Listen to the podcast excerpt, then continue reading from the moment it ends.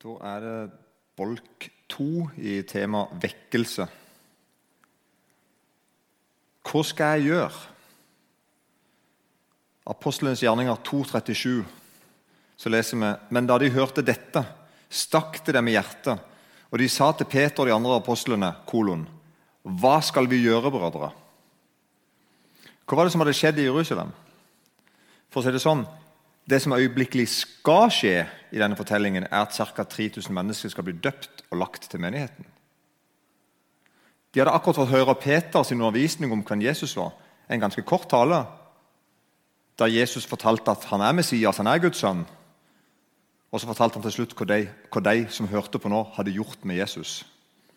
Apostlenes gjerninger 2,36, verset før. Hva skal vi gjøre? Så skal da hele Israels folk vite for visst at Gud har gjort ham både til Herre og til Messias, denne Jesus som dere korsfestet. Men da de hørte dette, stakk det dem i hjertet, og de sa til Peter og de andre apostlene.: Hva skal vi gjøre, brødre? Kjære Jesus, velsigne det jeg skal si nå for navnet ditt skyld. Amen.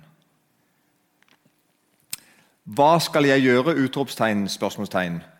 Det er vekkelse. Eller det er vekkelsesspråket tvungen fram av Gud. Det motsatte er vi burde gjort noe med det. Det er det motsatte. I vekkelse så forsvinner alle vi burde, vi burde ditt og vi burde datt og vi skulle ha ditt og vi skulle ha. De forsvinner. Og vi blir stående igjen bare med et brennpunkt. Hva skal jeg gjøre? Du forstår at noe må skje, og du forstår at du behøver hjelp utenifra nå. Peter svarer de hva de skal gjøre. Apostelens gjerninger 2,38. Peter sa til dem, omvend dere, og la dere alle døpe på Jesu Kristi navn til syndenes forlatelse. Så skal dere få Den hellige ånds gave. En parentes der, Jeg har hørt en del undervisning om, om hvordan en forkynner skal oppføre seg, ikke minst i sjelesørgeriske samtaler. Og bare sånn praktiske råd. Og Da blir en fraråda å ha samtaler seint på kvelden eller om natta. Ikke sant? At Hvis folk kommer og vil snakke med en predikant så sent på kvelden eller på natta, så skal han som regel fra, altså fraråde, bli fraråda å gjøre det. For det, måte, det kan bli usunt eller feil. Unntaket er i vekkelse. Da skal han være forsiktig med å vente. Når noen på en måte har denne brannen, har møtt Gud på sånn en måte at det er et spørsmål inni dem, hva skal jeg gjøre? Da er det ikke sikkert vi skal vente til en ledig time på torsdag. Jeg må vite det nå. Har du kjent på det spørsmålet? Har du kjent på den problemstillinga inni deg? Har du hatt det spørsmålet på, på, din dialekt og på din måte? Hva skal jeg gjøre nå?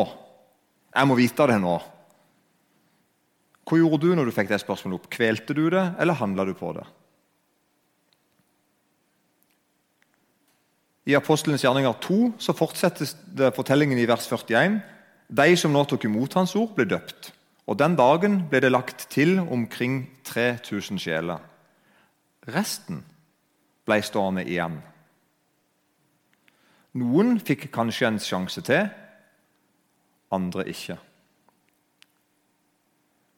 Men altså ca. 3000 på én dag, det er mye.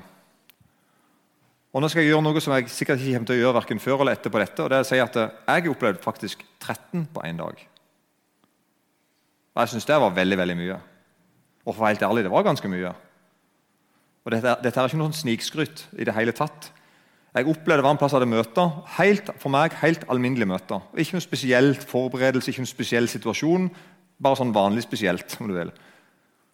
Og så opplever jeg at av en eller annen grunn da, så begynner én etter én etter én etter én i forsamlingen å få, få en brann. Jeg, jeg, må ha svar på. Er jeg et Guds barn? Hører jeg Jesus til? Noen visste de ikke var det, noen visste det, noen var i tvil om de var det. Og så satt jeg meg som bare der framme, framme i, i, salen. og I løpet av et par kvelder da, så kom det fram 13 stykker til meg. Og jeg telte de, for jeg, selvfølgelig. Jeg mener, hallo. Uh, og De bare spurte meg, kom med noen problemstillinger. Og akkurat som jeg bare fikk et bibelvers, ofte faktisk det samme som til forrige person, så ga jeg de et bibelvers, satt med Bibelen på siden av hverandre, og så pekte vi, der står det. Så fant de det på mobilen sin eller Bibelen sin, og så leste de sammen med meg. Og så så jeg bare Bang! Det smatt rett inn. De forsto det. Smilte og gikk. Helt fantastisk når sånt skjer. Og det var, det, var, det var, der og da. Det var ikke seinere engang. Det skjønte jo jeg òg. Tenk 3000 på en dag. Det er rimelig mye. Jeg elsker 'hva skal jeg gjøre?'-situasjoner. Ingenting er kjedelig der. Og prioriteringene som alle er enige om, det er nå. Det er nå. Vi gjør det nå. Og Samtidig er hva skal vi gjøre-situasjoner farlige tider òg. For det, det er nå. Det er nå. Det er nå. Begge veier. Du har en anledning nå, og velger du feil, så er, kan det få følger for senere tid. Det er en alvorlig vers i Hebreabrevet 3.7. Hebreabrevet 3, 7, 8 og 9. Derfor, som Den hellige ånd sier, kolon, i dag om dere hører Hans røst Altså, Den hellige ånd sier det. Det er det Bibelen sier. Den hellige ånd sier til deg i dag om du hører Hans røst. Da forherd ikke deres hjerte, som ved forbitrelsen på fristelsesdagen i ørkenen. Så viser det altså til en forferdelig episode som skjedde for mange hundre år siden med Moses-folk. Altså, Ikke gjør det de gjorde. Der deres fedre fristet meg ved å sette meg på prøve, enda de så mine gjerninger i 40 år. Så i dag, om du hører Den hellige ånds stemme, så må du agere, respondere. Ikke gjør sånn som også Eksempler for noen som da var vantro, ikke ville høre, ikke ville tro. Så Vi har på en måte slått litt fast, ikke sånn ekstremt, men i fall, jeg mener i hvert fall at jeg har sagt at eh, vekkelse har med søvn å gjøre. Det er noe som sover, og som blir vekt opp. Og Mange steder i Bibelen så bruker, brukes søvn for å beskrive noe åndelig. Altså Søvn er på en måte negativt. da. Det å være åndelig sovende er ikke bra. liksom. Så kom jeg på at eh, Noen ganger er det sånn at Jesus for eksempel, han forteller om de fem ukloke og de fem kloke jomfruene. Da sovner faktisk alle ti. Så det er ikke på en måte sånn, En åndelig søvn kan være noe som kristne opplever òg. Altså, du, du kan slumre inn og være nesten i ferd med å sovne. Men i den leggelsen der da, så var det jo det at, som hadde olje på lampa som på en måte var poenget. da. Men ok, Bibelen snakker om søvn. En åndelig søvn som kristne kan ha, men som også kjennetegner alle ikke-kristne. Og Bibelen snakker om drukkenskap, altså, altså full og søvn. Som også er bilder på vår åndelige situasjon. Jeg fant et utrolig stilig vers i Salmos ordspråk 23, 34. Det står her om en som er full. At du blir lik en som sover midt ute på havet. og det Jeg har litt vannskrekk, så jeg skjønner godt at det er helt vilt å gjøre. Noen her inne, syns kanskje at det er innafor. Men det her med sånn, du blir en som sover på havet, lik en som sover i toppen av en mast. Altså, Du gjør rare ting. Mens på en måte Gud presenterer seg sjøl som det motsatte. Her er f.eks. fra Salme 121, vers 2 og 3 og 4. Min hjelp kommer fra Herren Himmelens og jordens skaper. Ja, hvem han er da? Jo, Han skal ikke la din fot vakle, og din vokter skal ikke slumre. Se, han slår, slumrer ikke og sover ikke, Israels vokter. Herren er din vokter. Så Gud er, Gud er motsatt av en som sover. Han, han, han, er ikke drukken. Han er, han, er, er, på. Og han sover ikke. Men og Vekkerklokkebildet vi hadde til eventen i dag, forteller på en måte om soving. og sånn, sant? Men ingen, altså, vi, vi, har bare sagt litt om det vi snakker om i kveld. med å snakke om en sånn type søvn som vi forstår som soving, noe vi kan våkne ifra. For Bibelen snakker om død. Altså mer enn søvn og promille. Efeserbrevet 2,1 og utover. Også dere har han gjort levende, dere som var døde ved deres overtredelser og synder. I disse vandret dere før på denne verdens vis etter høvdingen over luftens makter, den ånd som nå er virksom i vantroens barn. Også vi vandret alle blant dem i vårt kjøds lyster, og vi gjorde kjødets og tankenes vilje. Vi var av naturen vredens barn, like som de andre. Men Gud, som er rik på miskunn, har på grunn av sin store kjærlighet som han har elsket oss med, gjort oss levende med Kristus. Vi som var døde ved våre overtredelser. Det er ganske radikalt. Her er det ikke sånn du sover veldig. Nei, du var død. Det, var ikke, det fantes ikke liv i deg. Og eksempel, Amazing grace, how sweet the sound that saved a wretch like me. I once was lost, but now I'm found. Was blind, but now I see. Det er mange sånne sanger. Poenget mitt er sangene er sånn Jeg var blind, men nå kan jeg se. Jeg var død, men nå lever jeg. Jeg hadde gått meg vill, men nå er jeg som hjemme og fri. Det er ikke sånn jeg så litt dårlig, men nå ser jeg litt bedre. Og jeg var litt syk, men nå er jeg liksom litt frisk. Det er, ikke, det er ikke sånn sangen handler om. All, mange sånne vekkelsessanger de er veldig sånn radikale. svart-hvitt, og det er helt riktig. Jeg, rot, jeg hadde rota det litt til, men nå er, er, det bra igjen. liksom. Nei, det er sånn Jeg var død, jeg er levende. Jeg var blind, nå ser jeg. Jeg var fanga, nå er jeg fri. Og Det er en utrolig merkelig I min, i min bibel, 1988-oversettelsen, øh, bokmål, så er det brukt et Du kan godt sjekke dere andre hvor det står dere oversettelse, men her er, her er sånn språklig noe rart noe. Dette er i 4. Mosebok kapittel 21. 4. Mosebok 21 og vers 9. Da er det altså at øh, Gud sender jo disse slangene inn blant øh, israelsfolket når de er i ørkenen, og som biter de, og mange dør. Og Så går Gud til Moses og så sier han at du skal nå lage deg en slange i kobber. heise den opp på en stang, og Alle de som ser på den slangen i kobber, skal overleve.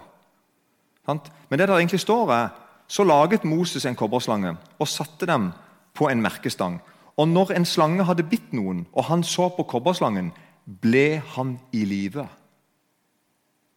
Så egentlig, det er egentlig Bibelen påstår, er at de var egentlig døde.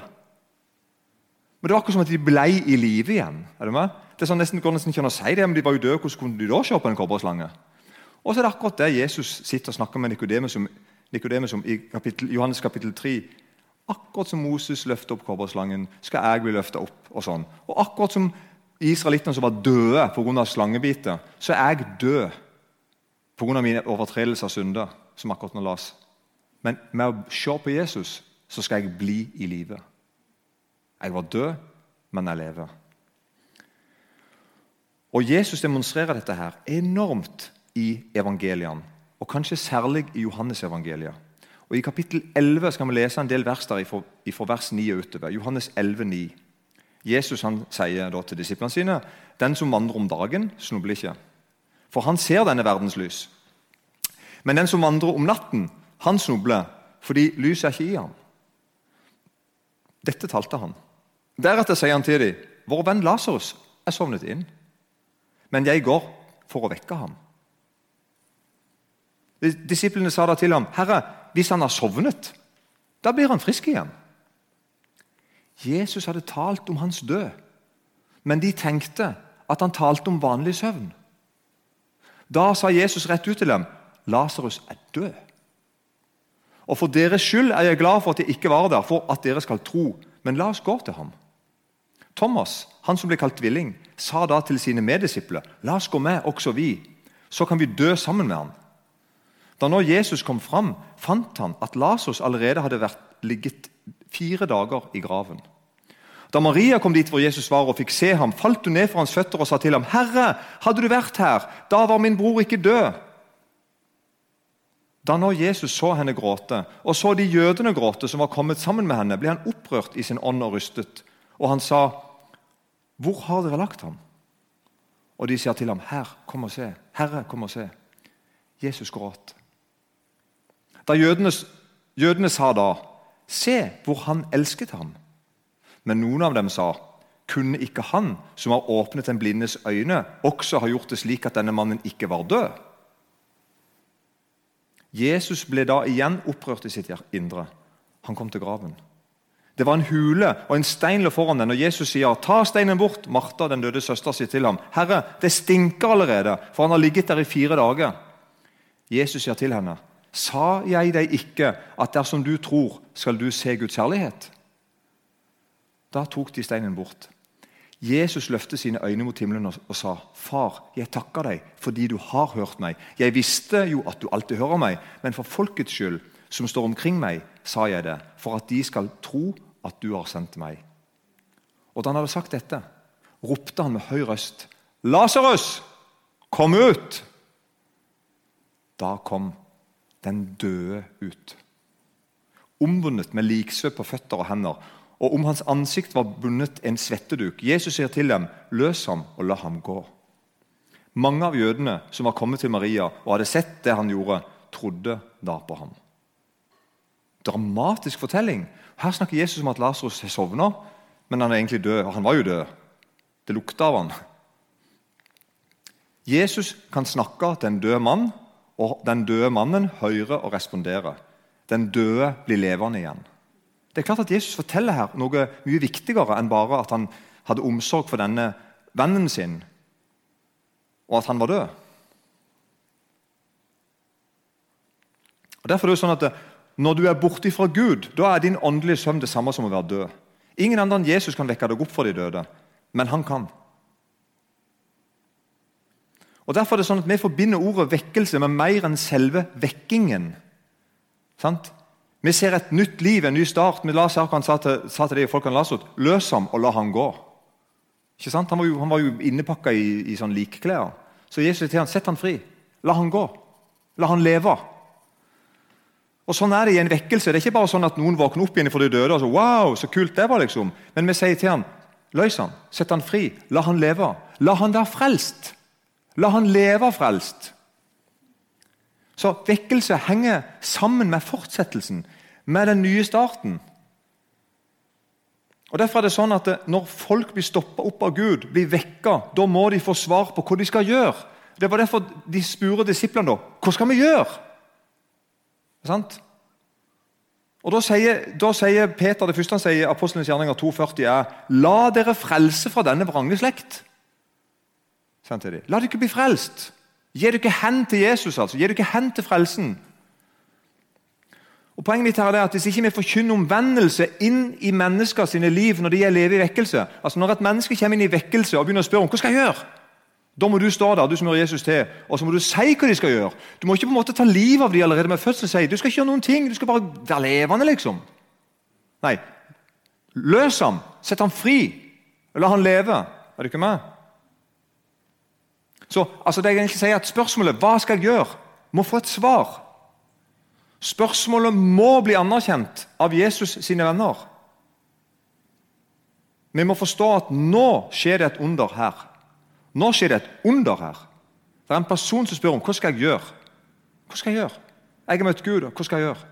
Da må du svare. La deg frelse for denne vrange slekt. Det er flere sånne sunne reaksjoner i Bibelen som jeg elsker de, for de er så levende. Vi ser det helt for oss. Lukas 18, 26. Da sa de som hørte det, 'Hvem kan da bli frelst?' Spørsmålstegn. Det er sånn radikalt spørsmål. Hvem kan, da, hvem kan da bli frelst? Dette var altså, De var vitne til en mann som ikke ville selge alt, gi penger til de fattige og følge Jesus. Og Så holder Jesus en alvorlig tale om hvordan det er med folk som ikke vil det.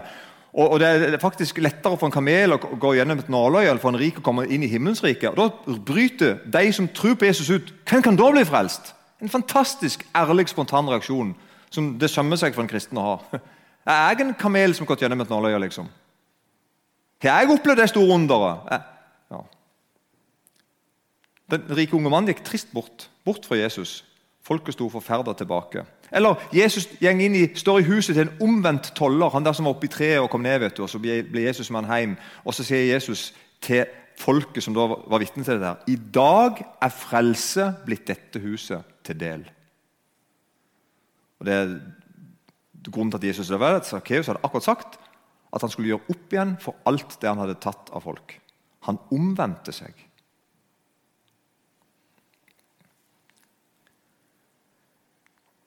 Jesus har makt til å vekke mennesker opp for de døde, både åndelig og fysisk. Og nå vil jeg si en sånn, en, sånn Er det kananspråk det heter når vi sier sånn? Men altså, Når du hører 'Lasarus kom ut' Når du hører det, du skjønner hva jeg mener med det? Metaforisk. Når du hører Jesus som roper inntil Du ligger der og er død, si, så hører du Det må være rart for Lasarus å ligge der død og så hører at Jesus roper. si. Når du hører Lasarus komme ut, da opplever du et under. Og Da skal jeg si en ting. Da skal du gå. Gå imot stemmen. Og vi andre vil stå rundt vi andre som stender rundt Jesus, vi vil stå der og ta imot deg sammen med frelseren din. Kom ut. Kom ut av graven din. Gå ut av det døde livet ditt. Gå ut av fordervelsen, av syndet din, av egoismen din, av ugudeligheten din. Gå ut av det. Bli levende.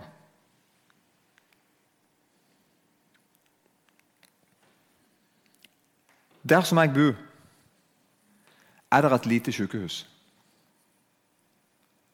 som strever med å overleve. Det har det gjort i veldig mange år. Og det som skjer i praksis, er at først tar de fødeavdelinga, så ryker resten. Jeg har ikke veldig peiling på dette, her, men det har jeg lest i ca. 10-20 år nå i lokalavisen. at det er sånn det fungerer. Først tar de fødeavdelinga, så ryker resten av sykehuset. Mine eldre søsken, jeg er ikke tre av dem, de er født på et annet sykehus enn jeg er født på. Fordi at det sykehuset fins ikke mer. Så når jeg skulle bli født, så måtte jeg gå på et annet sykehus. Og Det første sykehuset, som er eldre enn der jeg ble født, det opplevde akkurat dette her. Fødeavdelinga ble lagt ned, men ellers skulle alt være som før. Men så gikk det en del år, og i dag er det bygget et spøkelsesbygg. Nesten som en skam for byen, da det ligger på toppen av byen. Min fødeavdeling, hvis jeg får lov til å kalle det det, fødeavdeling på det sykehuset der jeg ble født i 1973, det fins ennå. Og til og med mine barn er født der. Tre av dem. Men det sykehuset her, det kjemper for å beholde de, de kjemper for å beholde sykehuset ved å kjempe mot en nedleggelse av fødeavdelingen. Og de sier uten sykehuset vil det være dårligere å bo her. Uten sykehuset vil det få ringvirkninger også for byen her. Ikke sant? Og så er faktisk argumentet tilbake. Ja, men det blir født ganske få folk der. Det er et argument tilbake. Det blir ikke født så mange stykker. Hvorfor skal vi ha et sykehus der? Og De organiserer fakkeltog, de skriver avisinnlegg, det dannes Facebook-grupper, og det jobbes inn mot politiske partier, og det er en del av valgkampen hele tida. Det samles inn penger, det samles inn utstyr. Og De, jobber, de som jobber på fødeavdelinga, er spesielt dedikert ansatte. og Det har jeg opplevd selv, og har et godt, fortjent godt rykte på seg.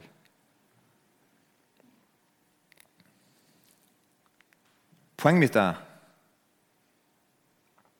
å bli et Guds barn er å bli født på ny. Jesus sier faktisk i Johannes 3, 3, uten at han blir født på ny, kan han ikke se Guds rike. Og Da er spørsmålet mitt da Er fødeavdelingen i din by nedlagt? Fødes det barn i din menighet? Fødes det barn i ditt miljø? Hvis ikke, så er ditt miljø trua av nedleggelse ganske snart.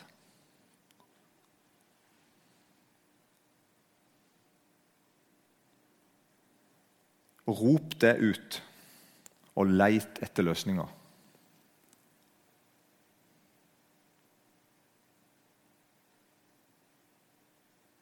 Kjære Jesus, se i nåde til oss.